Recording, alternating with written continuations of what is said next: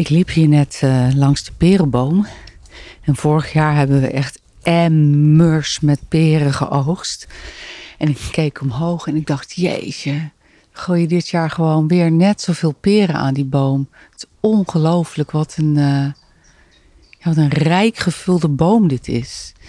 En ik heb hier um, vorig jaar de, de klimop van de stam verwijderd. Omdat die helemaal ja, begroeid raakte met klimop. Het uh, begint nu alweer omhoog te kruipen. Maar goed, ik kan het uh, nu nog makkelijk weghalen. Dus ik hoop ook dat dat uh, de boom een beetje ten goede komt. helemaal bovenin hangt ook nog dode klimop. Want ik heb gewoon onderaan de wortels doorgesneden. En uh, vervolgens de strengen eruit getrokken, omdat ze dan loslaten. Maar er zijn ook stukken afgebroken en daarbovenin kon ik er niet helemaal bij. Dus daar hangt nu allemaal dood, ja, dode klimopbogen in, helemaal bruin. Maar dat uh, valt er uiteindelijk vanzelf wel uit. Maar gewoon weer heel veel peren. En um, vorig jaar heeft mijn moeder echt zalige stoofpeertjes ervan gemaakt. Ik, ik, ik kan dat natuurlijk zelf ook, want ze heeft het recept voor me opgeschreven. Maar op de een of andere manier, als mijn moeder ze maakt, zijn ze gewoon lekkerder.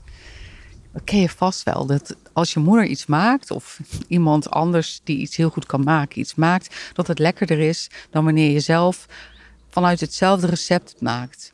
Kan trouwens aan mij liggen. Ik ben niet echt een wonder in de keuken. Dus um, voordat ik de aanname doe dat iedereen dat heeft, zal, ik bij mezelf, zal ik het bij mezelf houden.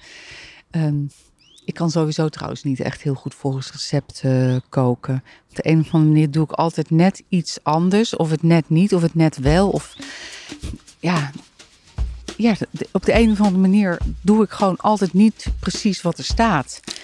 En um, ik heb het echt geprobeerd. Ik doe echt mijn best. En toch gebeurt er altijd wel iets waardoor ik niet precies doe wat er staat.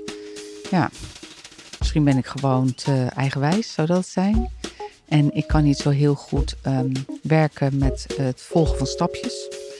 Daar word ik uh, een beetje onrustig van. Terwijl het van sommige mensen juist heerlijk vinden om volgens stapjes te werken. Nou, ik dus niet. Oh, kijk, beer, stop daarmee. Oh, ze willen een hele mooie vlinder vangen. Nee, nee. Oeh. Ah, weg. Gered.